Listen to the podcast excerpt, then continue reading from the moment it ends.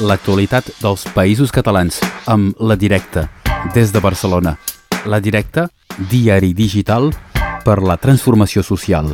A Ràdio Arels. L'actualitat amb La Directa i aquesta setmana és el Matías Lorente qui ens acompanya. Molt bon dia. Bon dia, Rafael. Amb tu descobrim el número 546 de La Directa, una portada eh, fosca, em, em sembla que se li pot dir un manòmetre, no? Di, di dibuixat mm. de portada, i el títol Gas a preu de guerra.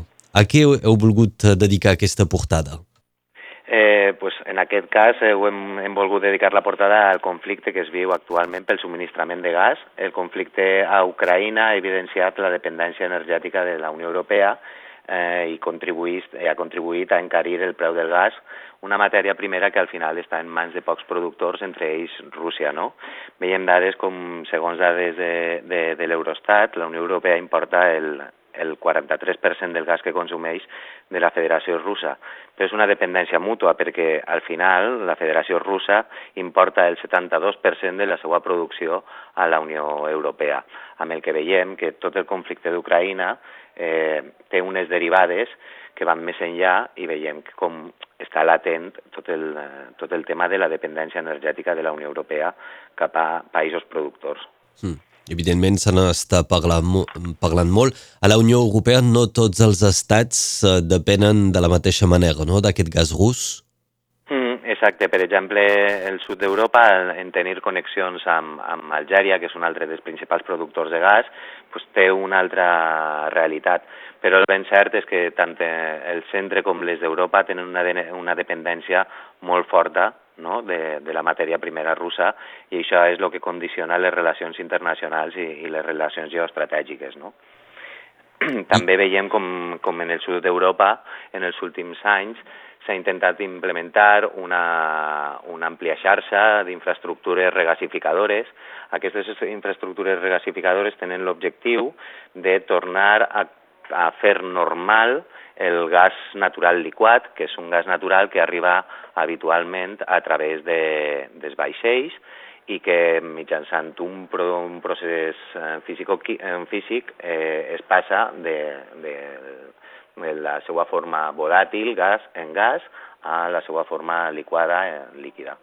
Sí, i actualment molts estats eh, proven de trobar altres maneres no? de, de, de tenir aquest subministrament de gas sense dependre de Rússia, però aquí també no, no és cosa fàcil. Sovint els estats que tenen aquest, aquestes energies fòssils, doncs no tots són, eh, diríem, eh, èticament eh, acceptables o tenen alguns problemes democràtics. No? Hi, ha, hi ha com una correlació no? entre energia fòssils i democràcia.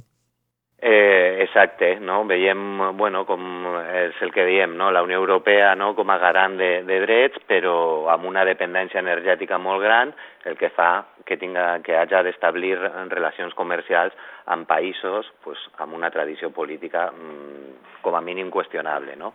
A més, eh, tota la crisi amb Rússia el que ha fet també ha sigut eh, despertar l'interès per antics projectes gasístics que, que van ser abandonats. No?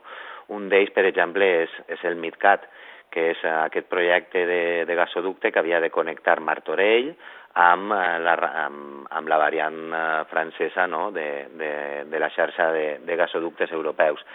Aquest projecte es va abandonar en el, en el 2019 perquè es va considerar que, que, no era, que no era útil, però ara, amb tot el conflicte amb Rússia, eh, s'ha tornat a, a reactivar. I més encara, moltes d'aquestes infraestructures eh, s'estan intentant reactivar per part de, de les empreses gasístiques amb, amb l'objectiu o amb, parlant amb una perspectiva de futur de poder reconvertir-les per a fer-les servir per al transport d'hidrogen verd, que és com una de les alternatives al gas que s'està posant sobre la taula com, com una de les, dels vectors energètics que poden ajudar a, a contrarrestar aquesta dependència d'altres països com, com Rússia o, o Algèria. Mm. Aquest projecte del MidCat l'hem de seguir de, de ben a prop perquè ens toca directament aquí a, a Catalunya Nord. Bé, doncs és el tema de portada d'aquest número 546 de la directa, a dins, mm. evidentment, molt més contingut, com ara també l'espai uh, Cruïa, ens porteu a la muntanya. Exacte, però una muntanya ben urbana, perquè és eh, la serra de Coixerola, és una serra que és molt important per la ciutat de Barcelona, perquè al final és un pulmó verd per, per, per l'àrea metropolitana, eh, i és una, una serra on en els últims anys s'han produït diferents, eh, han tingut lloc diferents iniciatives que el que intenten és tornar a recuperar eh, l'ús agrícola de, de la serra, no? Eh, entre els anys 1956 i 2018 es va perdre un 72% de la superfície agrícola de la Serra de Coixerola. És una superfície que és molt important per, per la sobirania alimentària de l'àrea metropolitana de Barcelona, no? perquè al final la ciutat i tota l'àrea són grans importadors d'aliments perquè no, són suficient, no és suficient el que es pot produir. Aleshores, pues, intentar recuperar aquests usos agrícoles de la serra és el que lluiten pues, diferents, diferents projectes i iniciatives.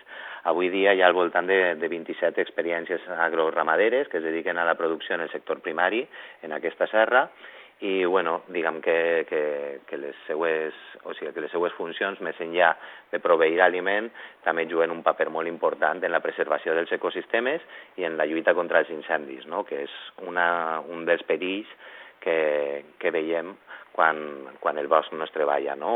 o quan, quan els espais naturals no n'hi ha una presència humana amb una activitat productiva eh, visible no? I, sí. i això.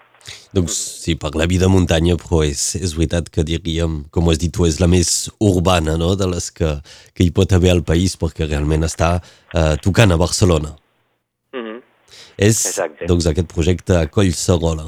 I una altra temàtica que volem posar endavant per aquest nou número de la directa té a veure amb cinema.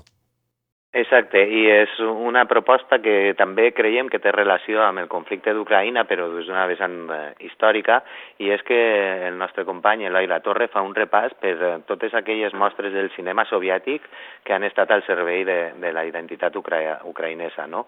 Eh, directors com Alexander eh, Dovienko, Tsiga Bertov i Sergei Paradjanov eh, són referents a l'hora de, de eh, referents en el món cinematogràfic que han construït molt les seues pel·lícules eh, explicant la realitat ucraïnesa no? de principis del segle XX.